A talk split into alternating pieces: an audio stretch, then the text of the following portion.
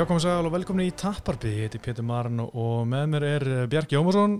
Jó, Þetta er þáttunum minn 96 en eh, við erum hérna í góðu yfirleiti í góðu stúdíu hérna á eh, Baklandi en uh, UFC 96, ég, ég veit ekki hvað, mér finnst bara gaman að rifja upp svona gömul UFC þegar við erum að taka upp hérna.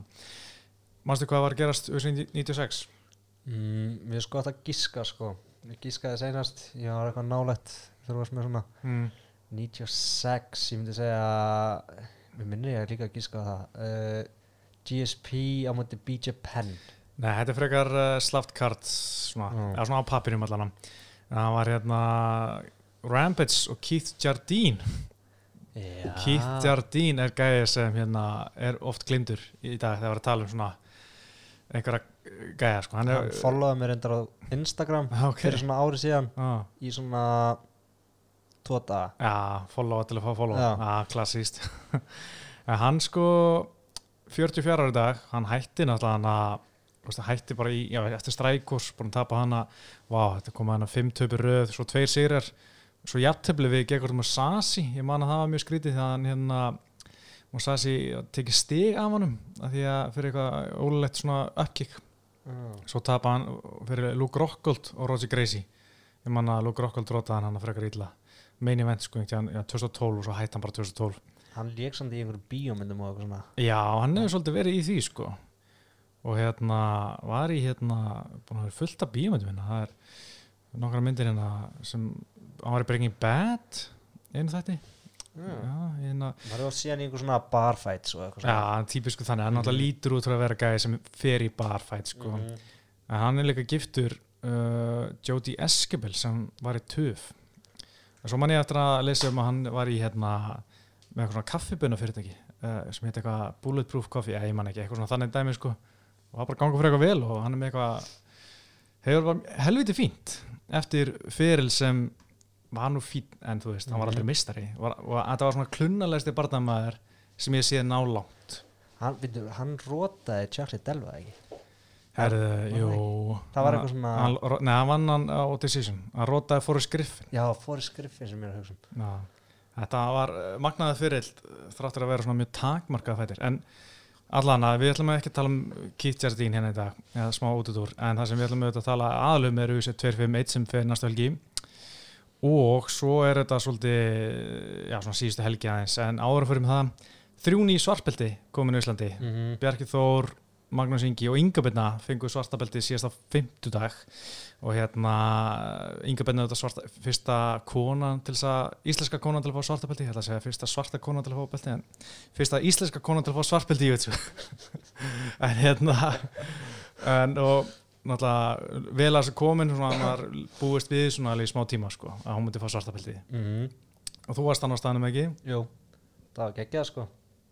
Þannig að bara líka þú veist þannig að þau áttu þetta alveg mjög skilið og maður sá að þau voru svo glöð hvað þetta er mikið grænt þetta er ekkert gefið þú veist, líka fyrsta konan til þess að fá þetta Mhm. þú veist, þetta er ekkert eitthvað þú æfir í eitt, tvö ár og farið síðan bara svart sko Nei, nei. þetta er blóð, svit og tár sko Þetta var mjög flott moment sko. Gunni líka gerði þetta líka flott og nefndi það líka svona þegar hann gaf yngubinnu þú veist, þetta er fyrsta konan sem hann er að gefa svartbelti og þetta er fyrsta konan í Íslandi þetta var mjög fallegt moment sko. Já, já.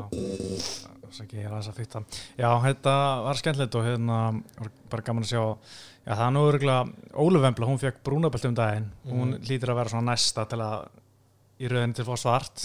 Svona nema hérna, hún bara hætti að glíma eitthvað, ekki, sem ég var snöfum en hún er komin uh, svona löngu komin tíma á brúnbelti örgulega, Mhm. þannig að það var flott að sjá hana að brún, brúnabelti og Sigur Sigurpall Albert, Sigurpall hérna í OPC, hann fekk líka brúnabelti um daginn, þannig að fullt að nýjum svona high level gráðunum hérna á dögunum. En uh, annars er svona líka svolítið fréttnandi í síðustu auka Pappi Kapip, hann uh, fjall frá á föstu daginn, Já. Abdul Manab Nurmagomedov.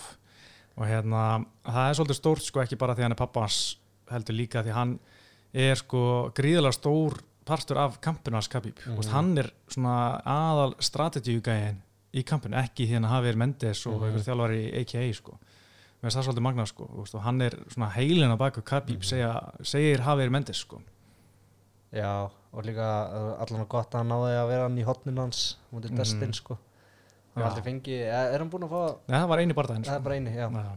Þannig að þetta var sorglegt sko Já, koronaviran svona hann alltaf var laðurinn að spítala át að fekk korona og svo hérna fekk hann hjartafall og heilin rauninni vaknaði ekki eftir það, það súrunum skortur upp í heilan og, Mm. og, og eitthvað þannig að hann eh, því miður látin 57 ára gammal sem hann á engin aldur en hérna, hann var fílhraustur sko, hann var, Mhm. Daniel Kormir sagði að hann var einn af fáum sem vildu resla vissi og veist, það var áriðin að þráttur að orða svona gammal sko. Já hann er náttúrulega grótarur rúsi, eða Dagestan Mhm. en það verður svona áhverð að sjá hvort að Khabib veist, hvað hann ætlar að gera hvort hann Keppi í september. Já, veist, það var að tala um hann og Justin Gaethje minni mætast í september en, en það er kannski óleglegt núna að hann fari frekar bara í hérna, eða svona vilja býða Já, getur verið sko.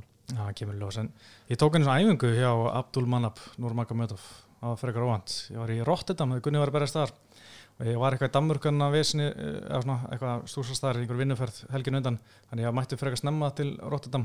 Og ég var hann á mánudegum fann eitthvað gym, hann að Júitsu gym og þar voru ekkert um einhverju rússar að sko hakkrífast, ég mætti hana. Ég bara, fokk maður, hvert er ég komin sko, ógæsla tæpi rússar að bara rífast og rífast og svona láfi handalagmálum og, störst að koma svona einhver og skilju að og hérna, og síðan aðengi byrjað þurfti bara þjálfarinn að bara byggja alla afsökunar sem þau vitna þessi, ég bara vissi ekkert náttúrulega hvað er í gangi, ég skildi ekki orða sem ég sagði, en svo kom einhver, einhver kallan og hann sagði, hérna, með okkur, ég, þá ekki hver þetta var, sko, veist, ég hef oft séðan en veist, þetta er bara 50 ára rússi skilur sem var svona, auðvelt að rugglast á að maður þekkjar hann ekki andliði og síðan hérna fattaði bara svona eftir á hérna að þetta var Abdul Manab og hann var, sko, þetta var eh, Nokia-eng, nema hann var alltaf að kenna eitthvað geekhöst sem var óslega steikt sko. en hérna, en síðan var að kenna eitthvað, eitthvað í gólfinu og var að kenna sko Japanese necktie að það er eitthvað old school wrestling move og það er ekkert eitthvað Mhm. nýtt frá Eddie Brá eða eitthvað eins og kannski maður heldur hjælt fyrst en það er bara úst, eitthvað wrestling move síðan sko 1920 eitthvað mm. hann var að kenna það, það var bara mjög skemmtilegt sko. hann var hress og náttúrulega tala ekki stakt ári ennsku, þannig að hann útskýr alltaf rúsnesku svo var einhver rússi sem þýtti yfir á hollensku og svo var hollenski þjálfurinn sem þýtti yfir ennsku þannig að þetta var alveg pínu æfindir sko. en uh, við ætlum að tala um uh, UC og náttúrulega byrjum aðeins á, á þar síðust helgi, það er einn síðista UC sem var hérna, Dustin Poirier og Dan Húkar þar fengu bara eh, besta barða ásins, eða hvað? Já, á mínu mati sko. Þetta var, ég var bara í Ég stóð allan þegar ég var að horfa á þetta sko. Ég held með Dustin En ég held smá einhvern veginn að Húkar myndi vinna þennan fætt fyrir. Ég veit ekki hverju. Og Já, ég var mjög ánæður allan að Dustin vann Og þetta var bara, veist Þetta var, veist Ekki holdt fyrir neitt Mm. Þú veist, maður fekk semi-brain damage á að horfa á þetta sko Mm. Þetta var crazy sko Ja, þetta var svolítið mikið damage sko, Mhm. hérna, og Dustin Poirier er náttúrulega alltaf í einhverju svona sko, veist, þetta er bara en að Eddie Alvarez barndaginn er uh, Justin Gaethje barndaginn þú veist, það er engin svona hann er ekki farið í neitt svona þægilegan barndag, Max Holloway barndaginn, það var stríð Mhm. Þú veist, síðasti svona auðveldi barndaginn var hérna Anton, Anthony Pettis. Já, einmitt. Já, hann var einmitt að nefna eftir þetta hann, það væri næs að fá einhvern fætt sem myndi ekki vera svona sko, en þú veist, það er erfitt, þú veist líka stílinn hans er svolítið svona sko, Mm. þegar hann er á móti, þú veist þessum bestu gaurum, núna er hann ekkert að fara á móti einhverju gaur sem er í, þú veist sem er númer 15 eða eitthvað. Nei, það er bara búið.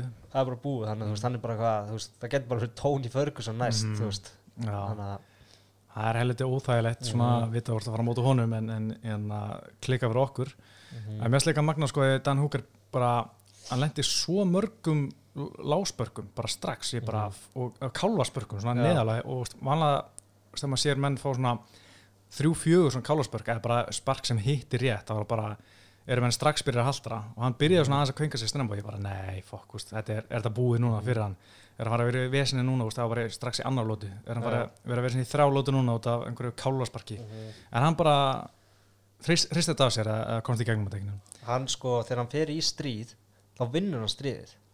Hann gerir, þú veist, Justin Gaethje hann vinnur oft stríð. Og hann, þú veist, hann er grjótarður líka. Mhm. en hann, ég meina, Dustin tók hann og þetta, þú veist, meðan, þú veist, þegar hann fór í fimmtulótu þá fannst mér hann bara Já hann var bara tilbúin í sjöttulótu sko. mm -hmm, það er fáránlegt peis á honum og þú veist, og hann, hann heldur alltaf áfram sem er svo geggja þegar hann var tekið niður og þá byrjar hann bara að sækja allt já, og síðan byrjar hann að kýla á botninum veist, hann var að vinna alltaf þegar hann var Mhm. undir já. þetta var þetta var rosalega fætt sko. En fannst þetta betri barða heldur en Vili Shang og hérna Joanna Jędrzejczyk? sko, fyrir það sem ekki vita þá var það svona almennt talin besti barða ásins Mhm. hingað til sko nú er svona vera, eru þessi tveir sem hvað allir greina ég þyrfti eiginlega að horfa hann aftur mm. en ég, mér finnst það sko ég man ekki eftir að hafa verið svona hoppandi yfir þeim fætt sko. nei, nei, nei. en sko, já, ég var vissulega meira spenntur yfir þessum en hann var líka, klukkan var ánum helviti margt þess að barða var og ég er ekki búin að horfa hann síðan þá sko en ég man ekki alveg nú vel eftir honum en hann var líka svona kannski meira hvað sem er, svona significant þú veist, það Mm. titill tvö svona, þú veist, þetta var svo besta einu sinni á móti þeirra bestu núna. Veist, þetta var auðvitað mikilvægur barða í léttutinni en, en Mhm. þetta var veist, alveg titill í húi og hérna, stórt kvöld og, svona, og líka árundur svona, svona peppu upp stemninguna eins og veist, hvert högg svona, sem maður heyrir já gera árundur veist, sem kannski íti svolítið undir hérna áhrifan sem maður verður fyrir sjálfur. Algjörlega. Hann að hver finnst þið samt Dustin eða að fá eftir þennan fætt Tony bara, Tony. Eða Connor sko. Ég, ég fann að sjá Conor alveg geta það. En ég hann að verð bara að henda þið fram eftir hann fætt með Dustin að hann er næst besti lightweight núna í heiminum. Hann vann Justin Gaethje sem var frá mútið Khabib. Mhm, og hann er búin að hann, hann tapa mútið Khabib sjálfur. Mhm. Khabib er bestur. Og ef maður horfir á alla gæðina sem hann er búin að berast við þá er maður bara svona já, þú ert fyrir utan alltaf þú veist hann tapa mútið Conor fyrir mörgum árum að, og Conor er ekki eins aktífur þannig að Mhm. það er alveg hægt að segja núna já, má alveg fara rauk fyrir því sko en hann er líka svo ógeðislega harður sko, Hann það er- er bara svona skeri sko -hmm. það er rugg sko ég bara veit ekki stundu hvað hann finnur en hann bara andlega styrk til að fara í gegnum Mhm. svona stríð sko. en það var líka annan gæði sem vakti aðtegli eða svona eiginlega bara kona sem vakti aðtegli það var uh, kærtans Mike Perry sem var í hotnuna sem móti Mickey Gall og þú veist auðvitað virkar þetta núna því að ég hef bara að segja að Mickey Gall getur ekki neitt. Veist, hann á ekki heima svona hátt í þessi hann, hann er bara alveg núna síðasta séns að vera sína að hann sé eitthvað meira heldur en að sína hann eigi heima í þessi hann er bara ekki búin að samfara mig um að sé einhver, einhver gæi sko, þetta er ekki merkilega sigrar. CM Punk, Sage Northcutt George Sullivan og Salem Tuhari ég held að enginn af þessi í þessi í dag.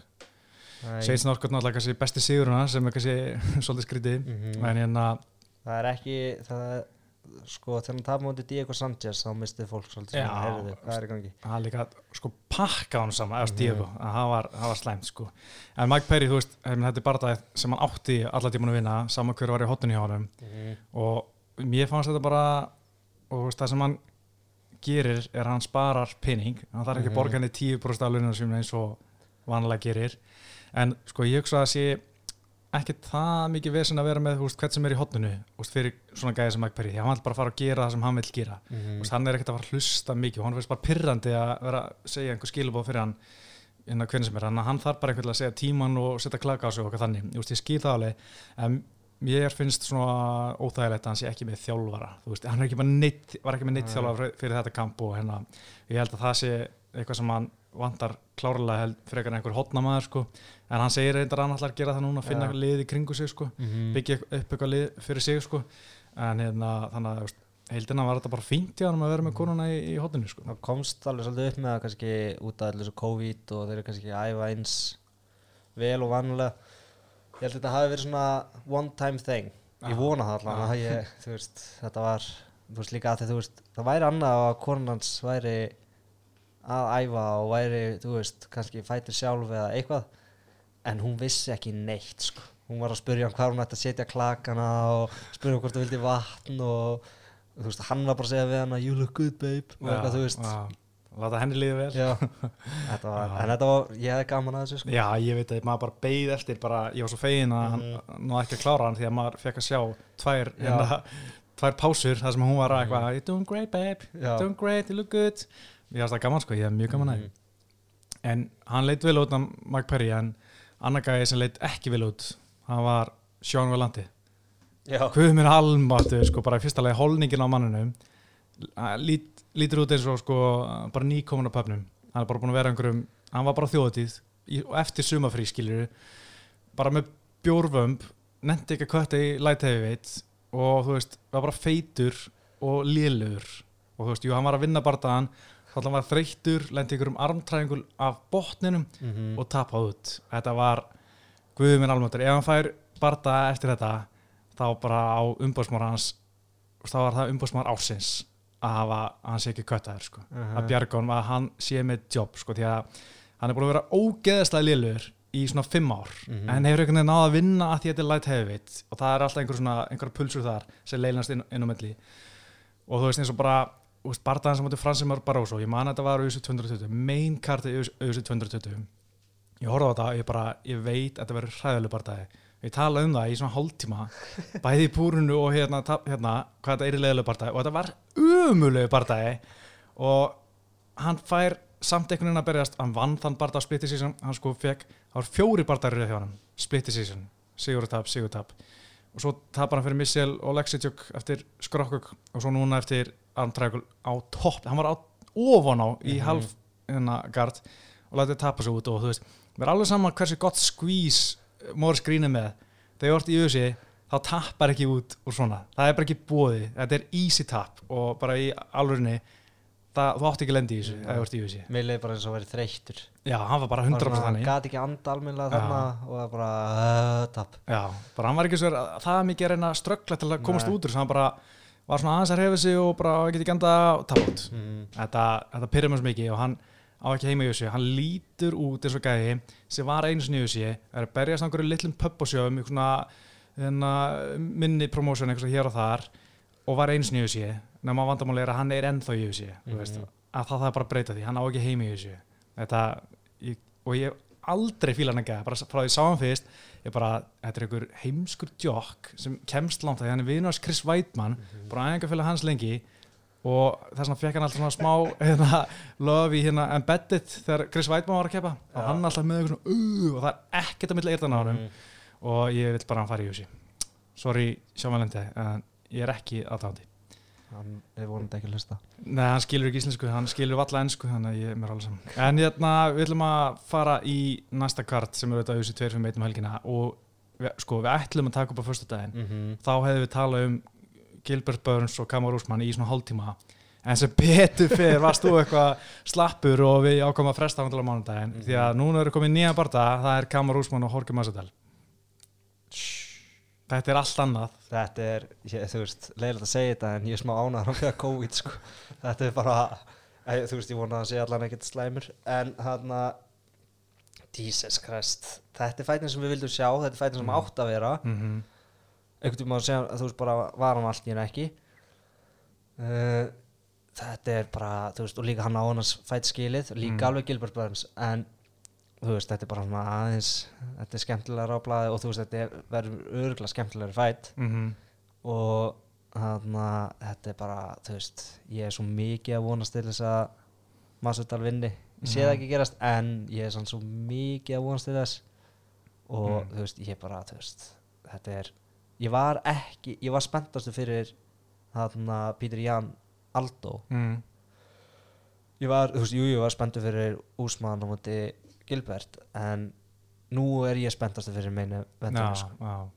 já, þetta er náttúrulega miklu stærri bardagi og þetta er Mhm. eins og þú segir það sem við vildum uppalega Mhm. Ma, maður held að þetta er þið bara en, Ma- en Massadal var náttúrulega í ykkur samningu við þeirra og samþýtt ekki það sem auðvitað í böðunum en hefur, hann segir hann að fengi nýjan samning núna Mhm. nýjan tíu barða samning eða eitthvað rugl eins og uh, fá alltaf en hann, hann er ánæður og hann fekk það sem hann vildi en auðvitað fær hann bara viku fyrir vera sem er náttúrulega pínu svona mér- í- mér finnst það pínu leiðilegt að maður sjá hann ekki allan að þryggja Já. vegna kamp sko. En líka pínu leiðilegt sko sjá ekki smá build-up. En ég held samt að úst, í COVID núna er ekkert build-up. Þetta er bara einhvern veginn það er ekki blaman að fundu það sem þeir eru eitthvað að kýtast Nei, sem er alltaf gaman svona í vissu marki þú veist, mér finnst ekki gaman að sjá Kolby nei hérna Kamar Úsmann kýtast því hann er ekki sérstaklega góður en, en Horge er góður, hann kemur svona punta hér og það sem er Ja. svona stingur aðeins sko, ég er Mhm. gaman að en fáum ekki svo mikið af því núna sko, og það er bara einhverju Skype viðtölum sem er, veist, það er ekki að sama sko, þó að sé alveg, alveg gaman sko. En ég menna, ok, hversu góðu standi verður Horge Massadal? Það er náttúrulega stóra spurningin. Mhm. hann segist að vera æfa og það segja, menn í kringum hann að æfa. Mhm. um, en Chad Mendes sagði líka fyrir konabartaðan Já. en svo eftir gasaði hann í annar lótu og sagðist ekki að vera æfa neitt Mhm. þú veist þegar hann fekk kallið þannig að við munum aldrei vita hversu góð standarn er í fyrir bara eftir á Nei, en þú veist, segjum hann hafi verið æfa þú veist, þá var hann vantilega, hann var æfa að hjálpa hérna Dustin Poirier fyrir Simbarda Já. en kannski er hann ekkert búin að vera æfa fyrir Úsmann, þú veist, það finnst mér svolítið, mér finnst það eða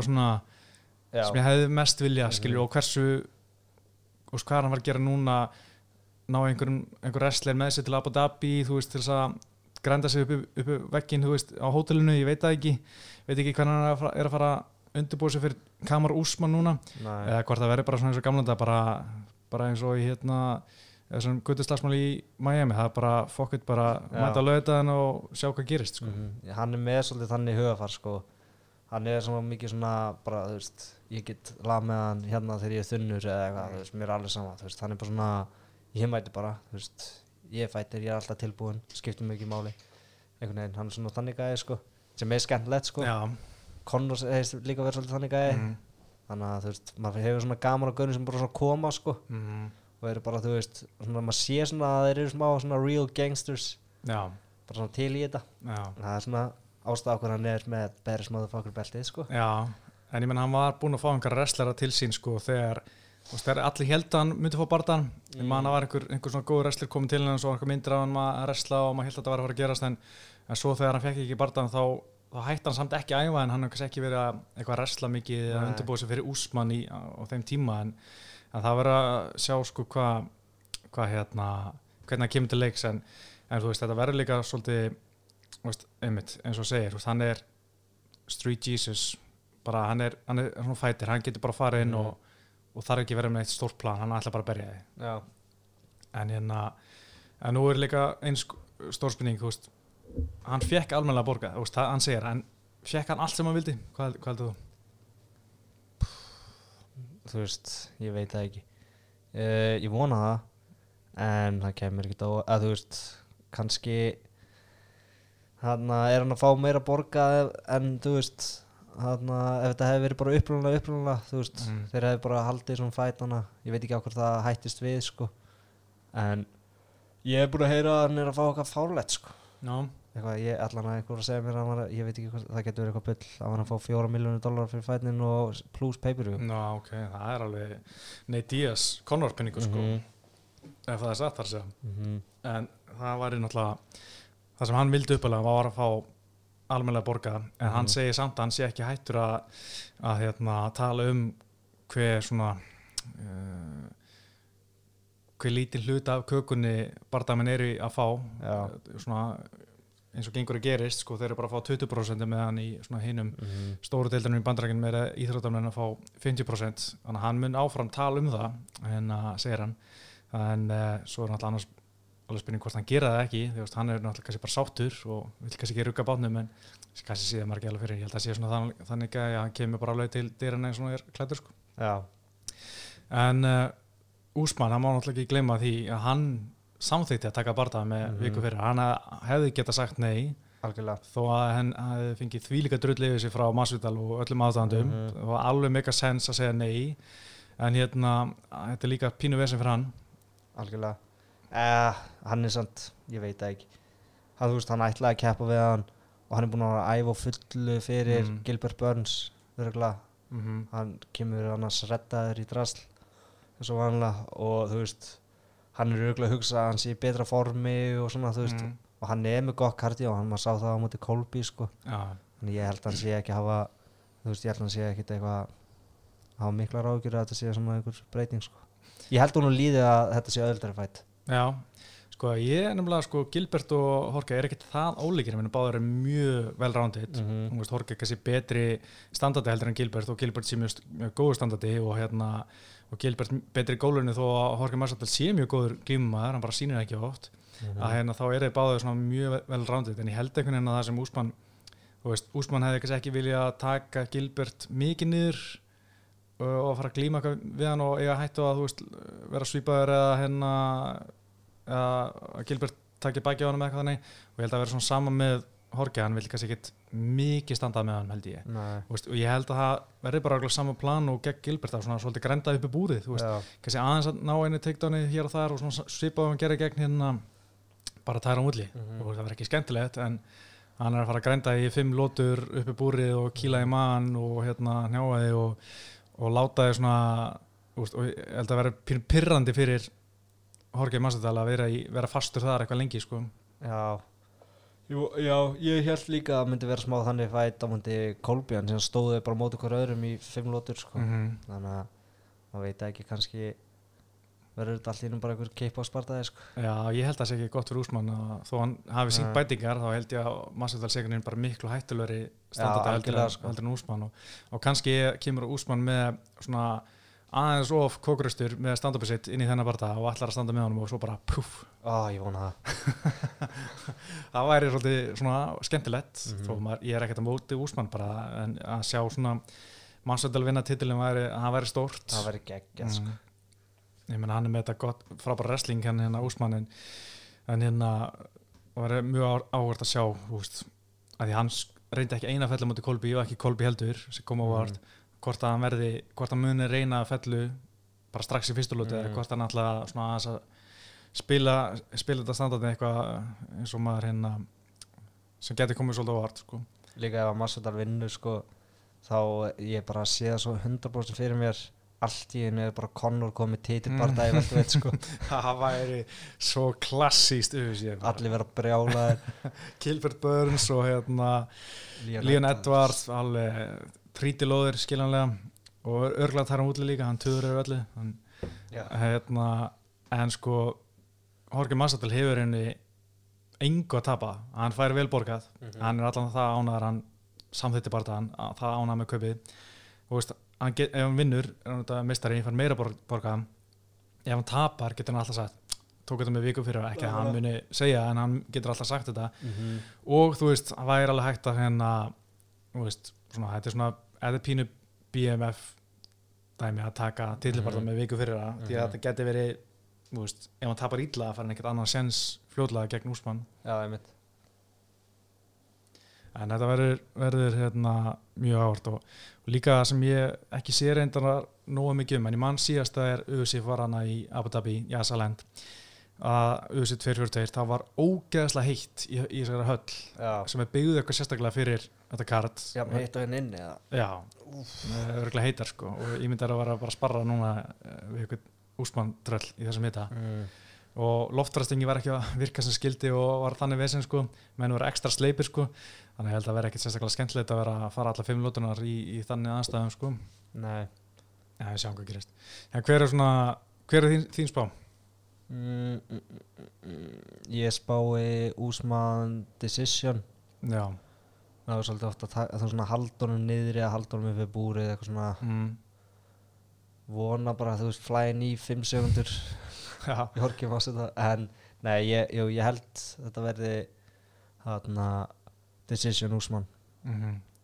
Já, ég er alveg svolítið á því líka sko, en ég menna ég ætla samt að segja að ég er búin að spá móti Masudal í öllum hans partum held ég á þessari, Líka mútið Nate Diaz nei, reyndar ekki þar. Já, ég, ég tippa aldrei á, á DS sko, ég veit ekki á hverju hérna, ég tippa á Darentil gegn Masudal, ég tippaði á uh, Ben Askren gegn Ah, Masudal Ég setti á Masudal og mútið Ben Askren sko. Já, það var uh, bara rétt hjá þér. Ég hef semt vissi ekki að myndi vera í á 4 Nei, en þetta verður bara nummer 49 hjá hann á lögðaðin Damn. Það er svakalegt sko. Það væri gaman líka að hendin hvað sér 49 mm og síðan allir hinnir hann að Kimbo Slice YouTube Já, einmitt, það, það er ekki tekið með það sko. er ekki ekki með þannig að þetta er örugglega hátt í 100 bardagar sko. uh, ég held að Úsmann takja þetta eftir dómarokkur en, en þetta vona að maður eftir einhverju veist, ég held eða svolítið með Massadal sko, þó ég sé ekkert eitthvað svona hans mesti aðdandi það var svona, það er gaman að hann sko, Já, Þú það er, þú veist, ég held alveg upp á Úsmann líka sko, en ég bara, það er eitthvað skemmtilega að Massadal er að koma með þetta belti sko. það líka bara svona, þú veist að verður eitthvað svona meira þeng að Massadal sem meistar heldur en Mhm. Úsmann sko mm -hmm. og gaman að sjá hvað gerist og svona og hérna, að er meira fjör í því held ég og hérna, hann er alltaf svo litur ykkur en hérna hvað heldur að gerist, heldur að Gilbert Burns fái næsta tillið bara uh, Ef Úsmann vinnur þá Mm. geti það verið eða kannski er hann eitthvað þú veist, maður veit ekki, þú veist, hvað þetta COVID geti gæst, sko, Já. eða þú veist gert við, eða þú veist, kannski er hann bara allt í hennu komin í ríkvælt form eða eitthvað, Mm. þú veist, maður vonandi ekki, vonandi er hann bara góður á því uh, en það gæti, þú veist, það gæti alltaf eitthvað neginn breyst, allt í hennu er Leon Edwards komið fætt, Já, eða eitthvað, ef að mm. en ef að Masvidal vinnur þá er örugglega ekki Gilbert Burns, sko Nei, það verður örugglega einhver, einhver aðeins starri sko. Já, Colby eða, eða Conor sko. Já, að það, það gæti mjög líklega allt í hennu verið Colby, sko Já, það þeir mikið lík. elska svona grötsmat sko, mm Mhm. sé, að henda einhver svona að, að selur Mhm. uh, Já, við veitum alltaf sko að Úsmann var með gott stræking síðast sem var, sko, hann var ég tók eftir á móti Kolby, hann var alltaf komið með svona bodyshot í klinsinu, Mm. kom alveg með fullt af bodyshotin gegn Kolby og hérna og eitthvað sem var orðin betra að lesa fjarlæði hérna, en það verður gaman að sjá hvort hann þóri að fara í öll þessi vopn gegn eh, gegn Horgi sko. Og ég meina Úsmanns hefur líka sínt að með gott kinn en núna er að sjá geggjaðan strækir. Já, mögulega hitta veist, eins og sko Kolby er náttúrulega fýtt standardi og, en hann er ekkit næsti eins góður og Horgi og núna er að fara að fá alvöru, alvöru strækir. Mm og hérna mögulega nekla í hökun á hann og það verður áhvert að sjá hvað gerist þar. En hérna, þetta kemur allir ljós en næsti bardagi Alexander Volkanovski og Max Holloway 2, þetta er, þetta er rematch frá því í desember. Já, þetta er ég, þú ert ekki að fíla þetta, ég fíla þetta sko. Mm. bara því ég vona að Max Holloway verði aftur champ. Það er svo Já. ga- ég er svo gaman á honum. Það er eitthvað svo gaman eitthvað svona þegar hann er á blagamannfundum og eitthvað, þú veist, er eitthvað með honum og eitthvað svona skemmtilegt sko, mætir einhverju skrítnu átviti og hann með geggjaðan fighting stíl og eitthvað ég líka sko, án sem að vera leiðilegur en þá, þá hugsa ég alltaf þú veist, þegar einhver segir þú veist, hver er featherweight champ eða eitthvað þá fyrst hugsa ég, já, Max Holloway, nei, það er ekki Max Já. Holloway, þú veist, ég gleymi því strax Já. veginn, að hann er búinn að missa hann titil. Já, en þeir börust annað í desember í fyrra og hvori hefur bara síðan þá. Og það finnst mér leðilegast að við sjá Insta Dreamats, þú veist, Mhm. að, maður er ekki síða á eitthvað að þróast og bætast síðan þá.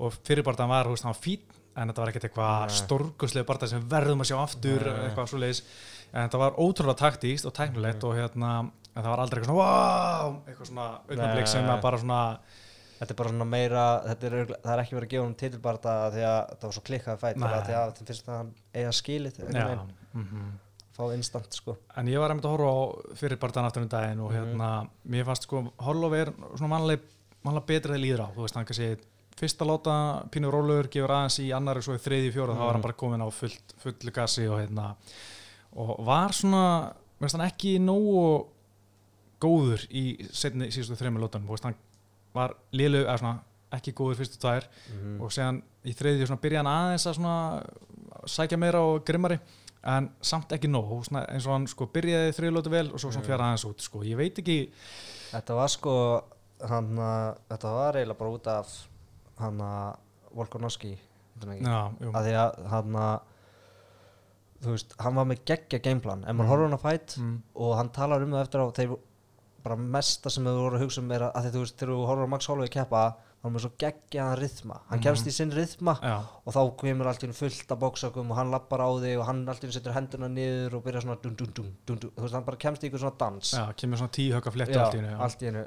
En þeir fókstuðu bara á að bara, þú veist, alltaf vera eiðilegja hann að rytma Mm, þannig að hann komst aldrei, maður sá það, hann var alltaf oh, já, já, alltaf svona, hann byrjaði bara að reyna, var alltaf bara byrjaði að feinta á Mhm. mótunum, þú veist, þannig að þetta var já, þetta var mjög, þú veist, ef maður horfur á þetta aftur, ég horfði líka á þetta aftur, og maður tók Mhm. eftir í enda meira þá, þá var maður bara, vá, hann kemst ekki í rytma sinn. Eins og hann gerir, þú veist, eins og gera mútið Brian og teka bara fullkomlega, sko. Þannig að ég er smá hrættur um að geta gæst aftur, sko. Já, ég var sp svolítið spóið hvort að þetta hefði, hefði verið eitthvað sem Volkanovski gerði eða hvort að að bara átt slæman dag sko. það getur væri- líka verið eitthvað. það verður svolítið áhvert að sjá hvað gerist núna lögðan hvort að við sjáum bara sama að hérna frá Volkanovski en það líka sko, má ekki glemma því að veist, núna er Holloway búin að fara fimmlótur gegn Volkanovski, hann er búin að horfa þetta aftur hann er vantilega búin að læra þessu. En líka Volkanovski er búin að sjá þetta og vita hvað getur hann gert Mhm. betur þannig að það er líka áhvert með Instadreamas og Mhm. báður, þetta er frekar nýtt og ferst í minnunni hjá þeim að þeir geta báður svona, herri, ég ætla að gera þessar breytingar og þessar mm. koma nýjar breytur inn í þetta já, En eitt sem ég er mjög spenntur að sjá hvað gerist, já, Volkanovski var með 157 högg sem lendi síðast og það voru 75 láspörk bara, og þessi spörk sem virka ekki mikið en þau eru svona Mhm. þú veist, lenda aftur, aftur, aftur. Og það er eitt sem kannski er svolítið trubla taktin eins og Mhm. þú segir. Að það var spurning hvort að, þú veist, hvað ætlar Holloway að gera gegn þessu vopni? Mm veist, ætlar hann að countera, ætlar hann að checka þau? Hvað, hvað heldur hann að gera núna?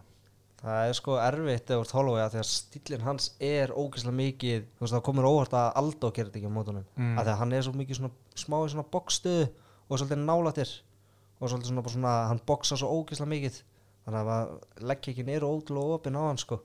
Þannig að ég held að það sé erfitt að ég held að við getum ég, sko, ég held að sjá það aftur sko leggja, ég held að það sé ekki mikið fyrir að breytast nema svona hopp alltaf frá sko. Mm. eða ná einhvern veginn að tjekka það sko. En það er líka áhugavert að því þú veist hann var að æfa á Zoom. Holloway, já, já, það er einmitt mjög áhvert, hann er ekki búin að heita þjálfurinn sína, hann heiti þjálfurinn í fyrsta sinn hvað, miðugudaginn já, í þessu kampi og ekki að spara neitt bara að æfa einn heima þessar mér finnst það styrla sko já, það er eina leiðilega við þetta þú veist að geða þetta fætanir eru, eru í gangi í þessu COVID-dæmi sko en maður, er- þú veist, maður gæti verið að sjá þú veist, kannski betri performance hjá fæturum eða Mm. þetta, að þú veist, maður finnst þú veist, maður er alltaf að heyra að eitthvað svona hann var bara að gera home workout Mm. eða eitthvað, maður bara svona, ah, ég Já. en þú veist, maður er samt glæður að sjá fætin skilur en, Nei, þetta er COVID-kamp hjá Já. hérna Holloway. Og er mjög Mhm. árt að sjá. Og hann er örgulega ekki COVID-kamp hjá hann að Volkanovski, því að er hann ekki að æfa í Nýja Nýja- Ástrali, já. Nýjasjálfland, ég man ekki hvort. Já, er þeir ekki bara Nei, þeir, það er Nýjasjálfland, þeir eru með hérna City Kickboxing í hérna Er, ég held að þeir séu sko bara í fyrsta sæti í að höndla COVID sko. mm einmitt, sko. þannig að það er alveg fullt að sparri í gangi Mhm. þar og allir ferskir sko. -hmm. það er líka mjög stór breyta fyrir, fyrir hennar barða en eitt sem ég tók eftir í fyrir barðanum er að það sem eiginlega gekk best eða svona eiginlega besta svona einstaka höggi frá Max Holloway var þegar hann uh, Volkanovski kom nálat og Max Holloway tók svona counter nýje því að Volkanovski er náttúrulega svo miklu larri Já, að hann svona stegi inn og komið nýja sem hitti vel að veist, það er kannski eitt vótt sem hann getur nota meira að hann er Mhm. svo miklu lærri og Max er svo hár þú veist, hann getur kannski að gera kannski meira því til að trubla taktin líka uh, trubla inn, innkomuna hjá uh, Volkanovski en hérna, en svo væri maður til að sjá meira mér vant að svolítið síðasta barða í Max svona smá urgency í fjóruðu fintalötu mm Mhm. er ég er að tapa, nú verð ég Já. að fara bara Mhm. drullast þess að taka meiri sensa og bara hakka því en þú veist, eins og maður síðast þetta meistar að tapa þegar hann er að tapa þú veist, eins og við sjáum stundum Robby Lawler detti í, þú veist, að hann er að Mhm. tapa en þegar hann var meistar, hann bara fór í einhvern haf Mhm. fymtulótu Robby Lawler var bara skeri gæi, sko Já, þú veist, maður var alveg, ekki alveg búist við einhver Robby Lawler en svona aðeins meira svona herri, ég er að tapa, ég verð að gera eitthvað frá Max Holloway en kannski er hann bara líka, þú veist uh, hann er alltaf ekki gamall hann er 28-9 ára gamall en hann er alltaf búin að vera með mjög lengi í þessu marga mílur á tankinu, mörg fimmlótur stríð og fór í stríð gegn uh, Dustin Poirier í apríl svo já, fimm svona þægilega lóti kannski gegn Franki Edgar en samt kamp og allt það undan því í ágúst og uh, júli og svo desember bara það gegn Volkanovski þú veist, kannski vantaði bara pínu svona óli á tankin Mhm. og það er áhvert að sjá hvernig það kemur til leiks núna það er langt sinna bara en, en eins og segir ekki gott kamp að þú veist, Mhm. þú getur ekki verið það er ekki kjör aðstæðar að æfa einn heimaður með þjálfarana á Zoom og ekki með æfingafélag í, í heimsklassa sem hann er kannski vanur að vera með akkurat, já Það er, mér, mér varst mjög leiðilegt þegar ég sá þetta sko, ég var ekki, nei, Mm. hvað rugl sko.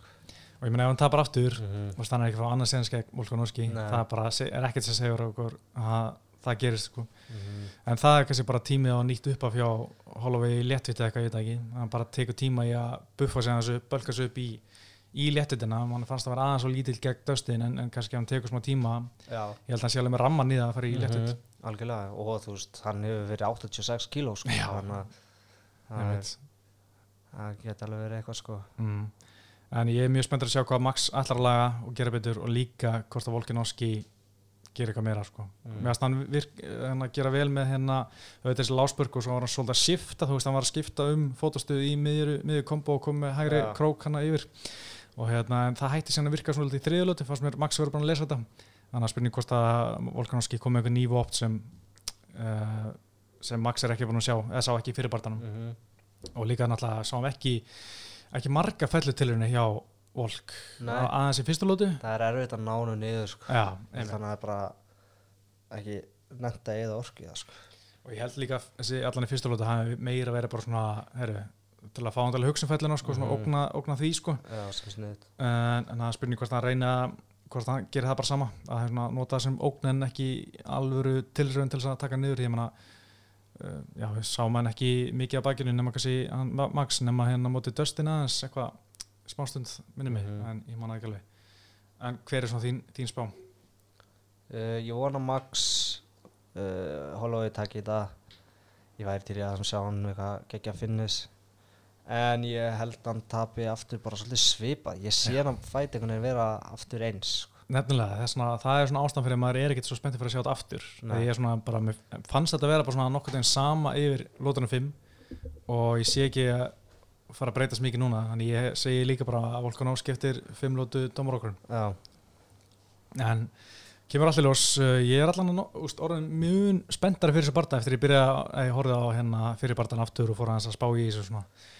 En það er komið að þriðja tillubartan kvöldsins, það er Holloway, nei hérna Hósi Aldo og Petr Jan skrítin, skrítin barndagi veist, Mhm. Aldo ekki unni barndagi í bandagi á æfisinni og hérna og svo er Hósi Aldo náttúrulega búin að tapa tveimur af, eh, í röð og hann búin að tapa sko hvað þremur já búin að tapa tveimur í röð og mótið Volkanovski og Marlon Moraes en hérna veist, og að má deilum með þetta Marlon Moraes tapin tap er tap Mhm. og hérna mjög jafn barndagi alltaf en hérna svo er Petr Jan þú veist Bíst hann er algjörð býst en mér finnst hann ekkert eitthvað eiga endilega skilið í tillibarta þú veist, besti sigur hans Júra Feipur og Jimmy Rivera sem er svona þú veist, e- alls ekki topp 5 gæjar í dag. Nei, en, en hann er náttúrulega búin að líta svo vel út að maður er ekkert að móti að sjá hann Nei. taka titilinn sko. Einmitt. Já, ég hann að þetta væri náttúrulega meira interesting kannski ef þetta væri alls sem er störling á móti Petri Ján mm -hmm.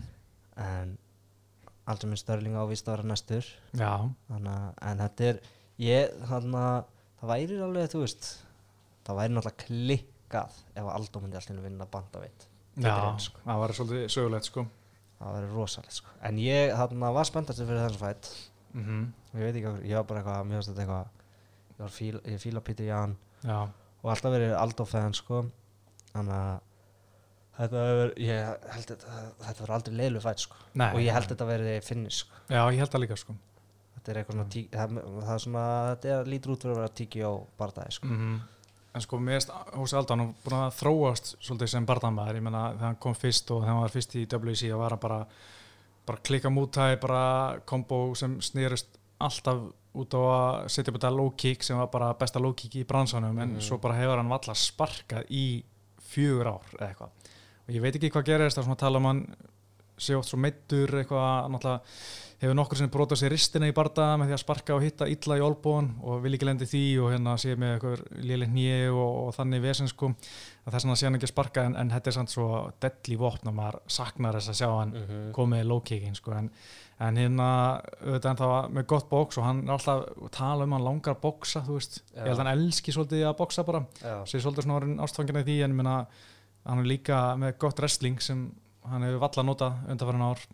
Já, mitt og mjög góður í gólunum líka þó hann ekki mikið sýnt það en, en ég held að þetta veri bara pjúra svolítið bóksbart ef Mhm. einhver að fara að taka þetta niður verða Petri Ján svona og mér finnst hann aldrei einhvern veginn ekki mikið svona resla upp í búrið og grænda upp í búrið þannig að taka með niður. Finnst hann bara svona einhvern veginn dökkar undir höggin og bara svona grípur því og tekur því niður Já. og svo bara kýlir smá og svo bara stendur upp ekkert mál hann er ekkert eitthvað svona eins og wrestler að reyna að taka því niður til þess að söppa eða, eða með eitthvað markmið. Hann bara svona grípur því að hann getur. -hmm. tekur aðeins niður og heldur svona hendur í nokkur högg og síðan Mhm. standi upp í einhverju skramli og endur aftur standandi. Mm þannig að það er það er svolítið þannig sko.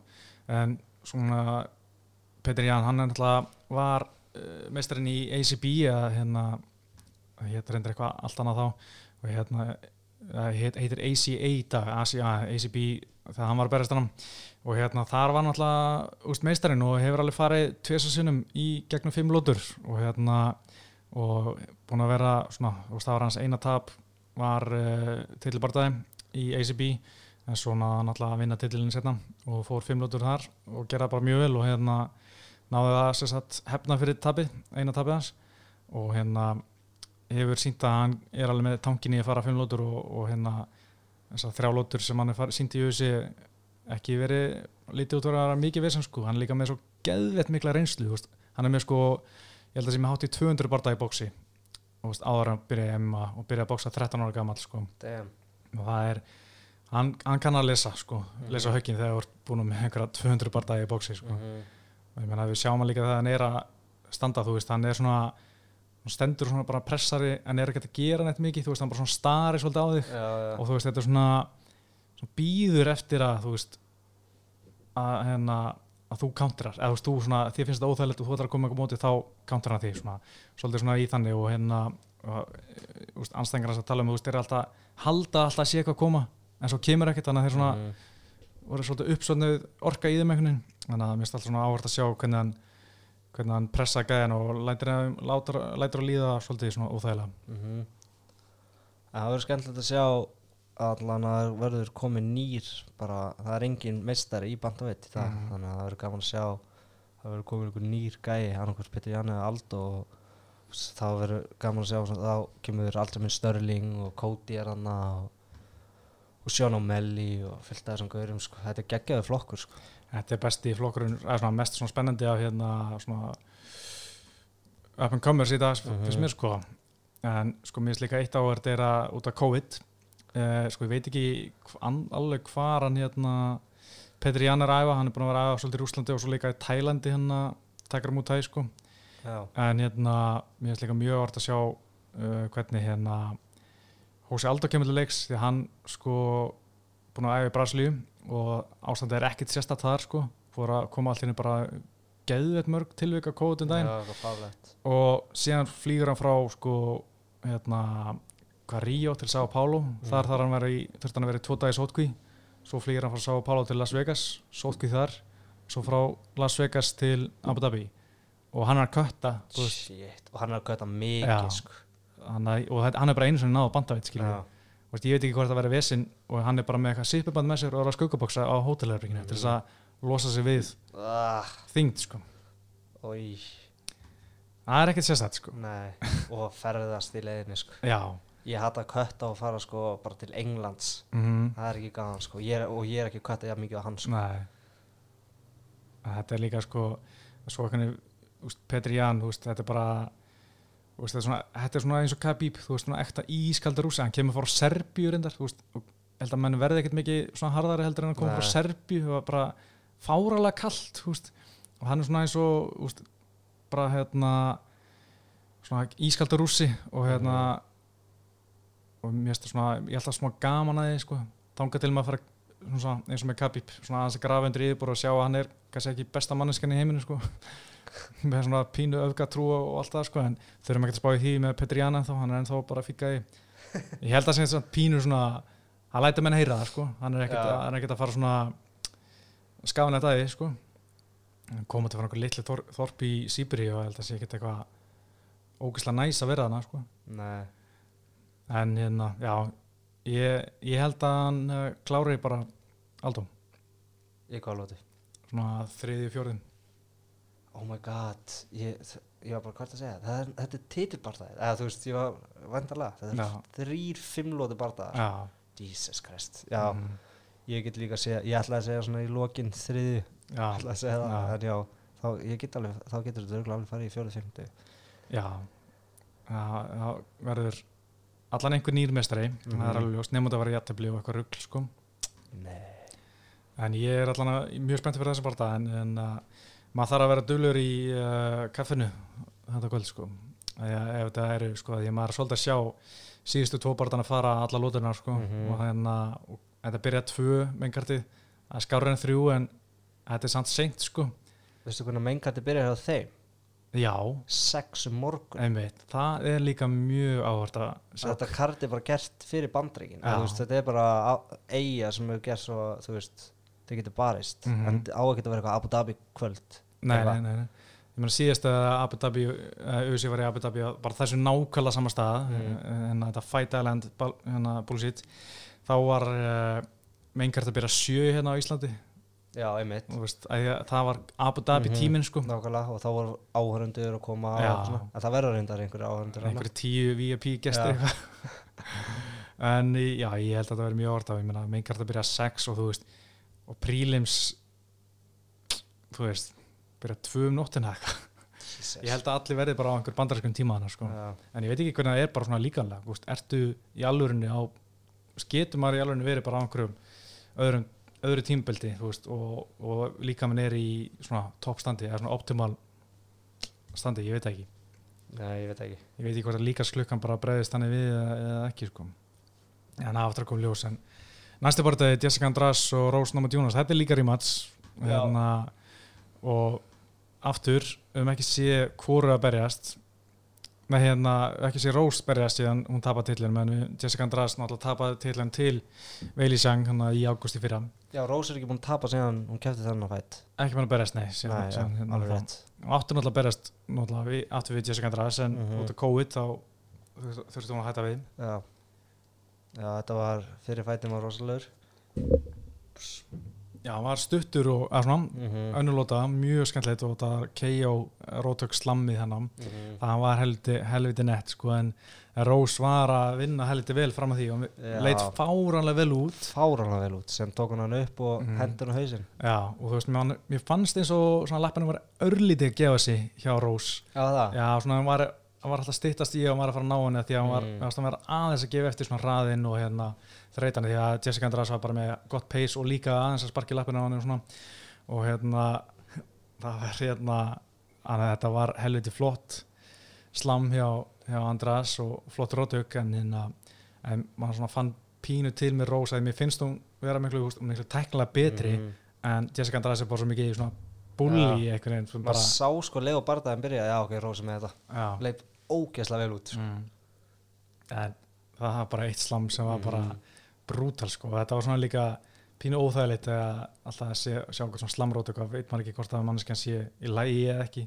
En hún er, hún er í lægi, hún er að berjast ég er að- eiginlega bara samfara um að þetta verði eins og ég held fyrst ég bara það myndi fara, að Rós er bara svona taknilega betri og Já, ég held það líka. og ég held ekki að hún þurfi alltaf svona góða pásu inn- innum milli, mm veist, hún var að tala um alltaf einhver ákveðin byrði að vera með þetta belti og núna sé hún svona frjálsild og sé svona pínu hippi í sér að nenni ekki að vera að sinna einhverjum meistaraskildum alltaf þegar hún vill eða þú veist, þegar auðvitað vill Einmitt. þannig ég held að hún kom bara betri, betri til leiks og hann er alltaf gert það Mhm. eftir þessi töp kom alltaf bara tekið svona stökk er, hún er ógeðslega góð sko.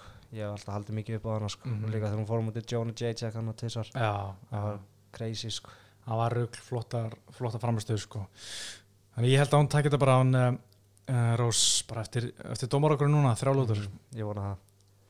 Það og vart samlega því? Já, ég er samanlega en svo kemur eitt bara sem ég finnst mjög gaman að rýna þessi, það er Amanda Ribas og Paige Van Sant. Já, Sko, ég er ógeðslega spenntur fyrir Ribas, hún er Mhm. 300 í sig, bara 26 ára- 6 ára gömul, svona skemmtilega og rest típa, mér finnst þú pínu svona min- minnum á hérna svona Kvenkins Gilbert Burns, bara svona brassi sem bara, að ég er bara að tekka og berstu hvað sem er með alveg sama eitthvað, uh, ég er pínu gammaði og svartbelti judo, svartbelti í jutsu mhm. pappin er einhver hérna kempa sem var mútæ og judo þjálfari þannig hún er búin að gera þetta sem hún var bara badd sko. Já, og ég elska að sjá þannig hjá, veist, konum. Að því að svo margar svona, hefur verið svolítið gegnum tíðina að búið breytast. Það sem er einhver konur að rampin í USA sem eins og Besku Hea sem, þú veist, munun á henni og rondur á sig mhm. og það er svo gigantískur íþróttumann eins og rondi sem var á ólupillegunum og svo einhverja konu sem byrja að æfa MMA til að koma sér í form 20 ára, og var bara einhver bókar einhver fyrirtæki og endaði til þú veist, það var svo mikil munur á einhverju sem var á ólupillegunum, einhver sem bara byrjaði að Mhm. MMA til að koma sér form. Og það er, þú veist, einmitt það sem við er svona síast út með tímanum og mun gera það, en þarna eru við með svona eins og rondar á sig, þetta er bara stelpa sem búin að æfa barða í þrjótti frá því að var bara frá blödu batspinni mhm. það er það sem ég dýrka að sjá svona, þú veist, að við verum að sjá það miklu meira í þessum hérna kallaflókum að þetta er svona, kannski sem að resla sem voru litlir, klíma sem voru litlir, að boksa sem voru litlir strákar Mhm. og þú veist, og þegar við sjáum konuna þannig þá erum við allt svona alvöru þú veist, martial Mhm. artist sko, þú veist, allt Mhm. svona gaman að ég er alltaf mjög gaman að sjá þær og það er alltaf líka topp svona hérna, þessar bestu sko hérna, eins og Rósnáma Jónas var í taekwondo frá því hún var lítil og, og allt þetta Mhm. sko og ég meina hún var glíma lengi þegar hún var krakki sko og hann hætti eitthvað að hún vildi fara að dansa. Já. og vildi fara að leika sér að dansa en pappina fór að grenja að gráti næst og það var bara algjör braut hjartað hennar. Hans að hérna hún skildi ekki vilja vera berjast lengur hún var ekki að tæpa í njánum en, en svo fór hún í MMA aftur og, og vann hérna IMAF HM áhugamanna 2014 Aha. ah, það, er, hefur skilað sér sko. En svo er hún alltaf Peitjón Sand, hún er 26 ára gömul og hérna líka en samt svona Amanda Ribas virkar svona miklu meira svona ferst dæmi í þessu og spennandi Mhm. heldur en Peitjón Sand og líka hún er búin að vera svo miklu aktífari ég meina, sástu hérna Ribas á móti Mackenzie Dörrin Uh, já, ég held það. það var burst sko burst hann að standandi, tók hann að vera niður í lokin á lótunum og bara pakka henni saman yfir þrjálótur og vann decision minni mig, Mhm. En það var svona bara ok, þetta er einhver sem, ég held að hún sé að fara alveg alla leið í toppin sko Já. en það er að vinna Peidsson Sand og þú veist, þetta er líka svo ekta UFC núna, því þetta er síðasti barðan samningun hjá Peidsson Sand Já. og Peidsson Sand vill ekki skrifa þetta nýja samning fyrir en allar að testa markaðin eftir hennar barða og í staði þess að fá, veist, þá hendir UFC einhver svona óþægtri en stór hættilegri Mm. stelpu í veist, þeir eru alltaf gert þetta fá okkur svona, ef þetta er síðasti barðan samningunum fá okkur svona óþægtan og hættulegan gegn þér sko, svona aðeins svona, þú veist, henda þér út aðeins að lækka verið þitt Mm. og tapa fyrir einhverju svona, innan gæðsalega bara nobody sko. Nákvæmlega. Já, ég, þannig að þetta er hættilegur fætt fyrir Patreon samt, sko. Hún er bara orðin einhver TikTok-stjarnar núna og eitthvað, þannig að ég veit ekki hvernig, já, ég veit ekki hvað ég á að segja með það, sko. Nei, það verður Ég að vissi sjá. ekki að þetta verið seinast fætinu á samninu, sko. Já, það er nefnilega svolítið þannig sko. Ég meina Peyton Sand sko, þú veist hún fær örgulega betur borgað í Bellator heldur en UFC Og hún fæði betur borga á, með að vera með Instagram followers. Já, Hún sagði það. já, einmitt sko og fekk líka miklu betur borgað fyrir að vera í hérna Dancing with the Stars Mm. sko en veist, ég held að hún sé líka veist, hún er ekkert að fara að vinna titil sér maður, þá bara er hún ekkert að fara að fara á fá pay-per-view skilur og vera þetta einhvern svona reisastjarnan og þá er örgulega bara miklu betra að vera í Bellator peningilega séð sko Já. Ef hún fer í, þú veist, ég get alveg ímyndum en hún sé ekkert að fara að keppa meira. Nei, þú einmitt, veist, veginn það sem ég er búin að sjá.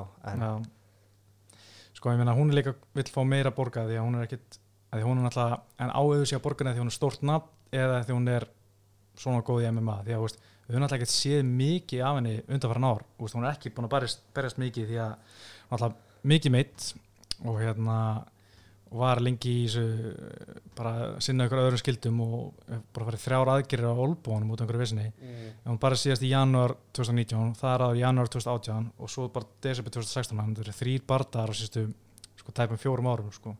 það er ekkert sérstaklega mikið sko.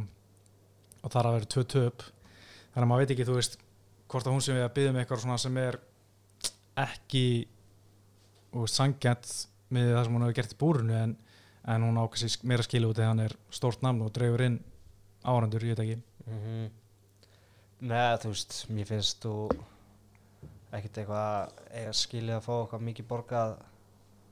Stórt nafn en ert ekkert sérstaklega góður sko. mm, og hann alltaf veit ekki alveg hvernig hún er sem fætir í dag veist, hefur sínt sína takmarkanir auðvitað, Mhm. en kannski er hann búin að bæta sig eitthvað en ég bara sé fyrir mér að eina, eini sensi fyrir hann að vinna er bara einhvern veginn að það er mjög svo geggja kardjó það er svona alltaf hennar stærsta vopn eða stærsti styrkur mm og er gróthörð og hérna að hún bara svona hjóli í Rýbas og bara svona reyna að hafa bara fárlega hátt pace og vonast til að Rýbas gasi. Já, og ég held að það sé eini sensi fyrir hann allir vinna einhvern veginn því að ég held að hún sé ekki vera reslana einhvern veginn niður og stjórnan í gólunni og, og ég held að Rýbas bara söpp hana í, í annari lótu sko já, ég get séð það. Já, hún, já, var hún ekki hún, var hún sub, hún keft, þegar hún kefti um þetta Rose, það ekki? Jó, Það var submission. Já, í fimmtu lótu sko var, Já, það var mikið blóð þar. Já, alveg rétt. Nei, já, En hún, að því að ég maður, já, mér er svo langt sem var að sé Paige. Mm. En mér fannst hún aldrei, mér fannst svo mikið af svona, húst, svona, svona blue belt mistakes, bara eitthvað í gangi þannig, en hún var Mhm. bara með svo geðið mikið pace, já, en þú veist, hún var bara svona, komin í, þú veist, hún var ekki komin í en samt byrjaði að sæki eitthvað, þú veist, þetta var svona, er- hei, chilla aðeins, aldrei að setla já, og meðan Rósna með Júnes bara eitthvað sjúk í gólfinu, já, þannig að þá sá maður mun, sko, þannig að ég get, jú, ég get alveg séð submission þannig, sko. mm hún er gróthörð og geti svona ég meina hún lendi svolítið í því á móti ég man ekki, hún bara braut höndin í annar lóti en, en held áfram. Og hún alveg, vi- vissa leiði fann að höndin var brotin sko. Þannig að hún getur alveg hark- harkað sér og Já, er hörð sko. gæti þurft að láta brjóta sér höndina aftur sko mm eða rýpast nærinni eitthvað en, eða láta svæga sig. Það kemur ljós en, en ég held að já, rýpast bara söppana í, í annari lótum Já, ég, já, ég sé submission líka. Mm.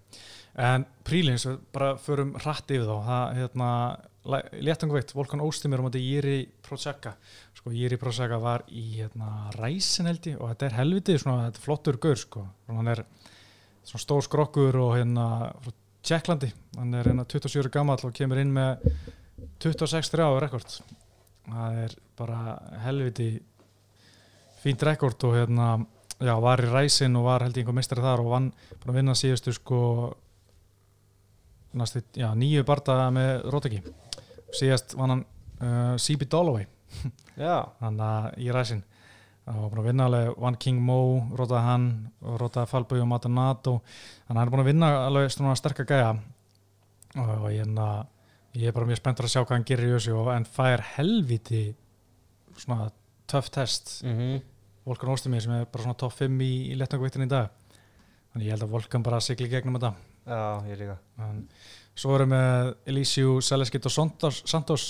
Uh, hann er frá múti Muslim Salekef og sko Salekef er 36 ára rússi sem er King of Kung Fu Kung Fu gæðin hann. Hann er Já. með alveg fullt af spinning shit og hérna og er Wushu mistari sko, margkvældur heimsmistari í Wushu sem er svona King West uh, kickbox. Og hérna búin að vera er með fullt af flottum rótökum og hérna og Saleski líka, þannig að þetta getur orðið skemmtilegur svona kickbox barndagi sko. ég mælu með að tjekka því, ekki missa á þeim barndagi svo er uh, vinnurinn uh, Makan Amerikani, Já, alveg rétt. Hann er að fara á móti Danny Henry. Já, Næs. hann verður skemmtileg barndagi, Makan Amerikani náttúrulega svolítið lélugur síðasta barndagi, gasa í annar lúti hann var náttúrulega móti Shane Burgos. Ég var að sparra við hann fyrir þann fætt. Já, var hann ekki í góðu formið eða? Jú, jú, já, hann, er alltaf í giminu sko. Já, já, En hann er svolítið léttur feðveit sko. Já, Já, mm. hann lappar um mest 73 kíló sko. Já kvötti 66 þú ert hvað þangur svona? Ég er núna 75 já, já, já, já hann ætti ekki heldur hann að ég fara niður eða? Ég, þú veist, ég get alveg séð hann farið inn í bandaveit sko. Já, Mér varst það svolítið svona, getur stundu verið svolítið menn handlaður sko. Já, ekki nóg sterkur bara. Nei. Hann er núna 5-2 í UFC sko. mm -hmm. uh, það er, þannig að ég er alveg spenntur að sjá hann aftur sjá hvort hann gerir eitthvað nýtt sko. en hérna en svo eru svona Leo Santos, hann alltaf berst bara svona tveggjara fresti en er alltaf geggja góður. Gæði sem vann GSP á hérna ATCS orðin fertur sko. Mm, og var búin að vinna núna sko 5 í röð. Næs en einhvern veginn, hann bara síðast í júni fyrir árið síðan, það er ára oktober 2016 Já, þetta er bara eitthvað ógeðslega steikt sko. ég man ekki, ég man hann bara stáð USA 194 hérna í December Las Vegas, rótaði Kevin Lee í fyrsta lóti og hljópur búrunu lengst inn í sal og Alveg bara rétt. engi vissi hver hann var. Já, hann er algjör steik en, en geggjaði fætir sko. en ja, ég hlakka til að sjá hann aftur. En uh, ég er mjög spenntur fyrir þessu karti. Ég, hérna, ég er eiginlega bara spáði að horfa á ég vona að hann alltaf sumarfögnuði mjölnis hann á lögadaginn mm og hann hérna, er svona að klárast þegar prílins er að byrja. Hann að þetta með beint í prílins Já, byrju hvernig byrja prílins eitthvað svona 11 liði. Já, þannig að það er bara fínt sko. fínt tími, svo vakarnir til 5 það er klassist klassist en uh, ég hugsa að við sem að fara að segja þetta gott bara. Já. Uh, hvernig er, er æfingar í ykkur núna í COVID? uh, Bara, þú veist, það er allt back to normal en þú veist, vonandi fyrir ekki eitthvað aðra siglingu þessi veira sko. Mm og við þurfum að loka eða eitthvað að tveggja metra regla það er náttúrulega geta glíma eða tveggja metra regla sko þannig að ja, það er allt í lagi núna. Það er Já. all, allir glíma og Mhm. hérna, ja, það er bara erfitt að finna barða það er engan að berast núna í Örbu Þískaland er að kip, taka við sér. Við erum Mhm. eitthvað aðeins að finna eitthvað þar. Já, það gengur vonandi eftir í haust september. Það ekki ekki, það verður hellað. Það var rosalega þægilegt maður. Fá eitt barða í september Þískalandi, en við erum að vinna í þessu við já, prílis lögadaginn byrja 10 meinkart klukkan 2 og uh, þetta verður allt í þráðbyrni og við sé Fight Pass. Ha, let's go. Ekkert, ekkert stöðu sport. En uh, ég heiti Pétur, ég heiti Bjarkið að Kitt uh, þökkum áorðina í dag og verið sér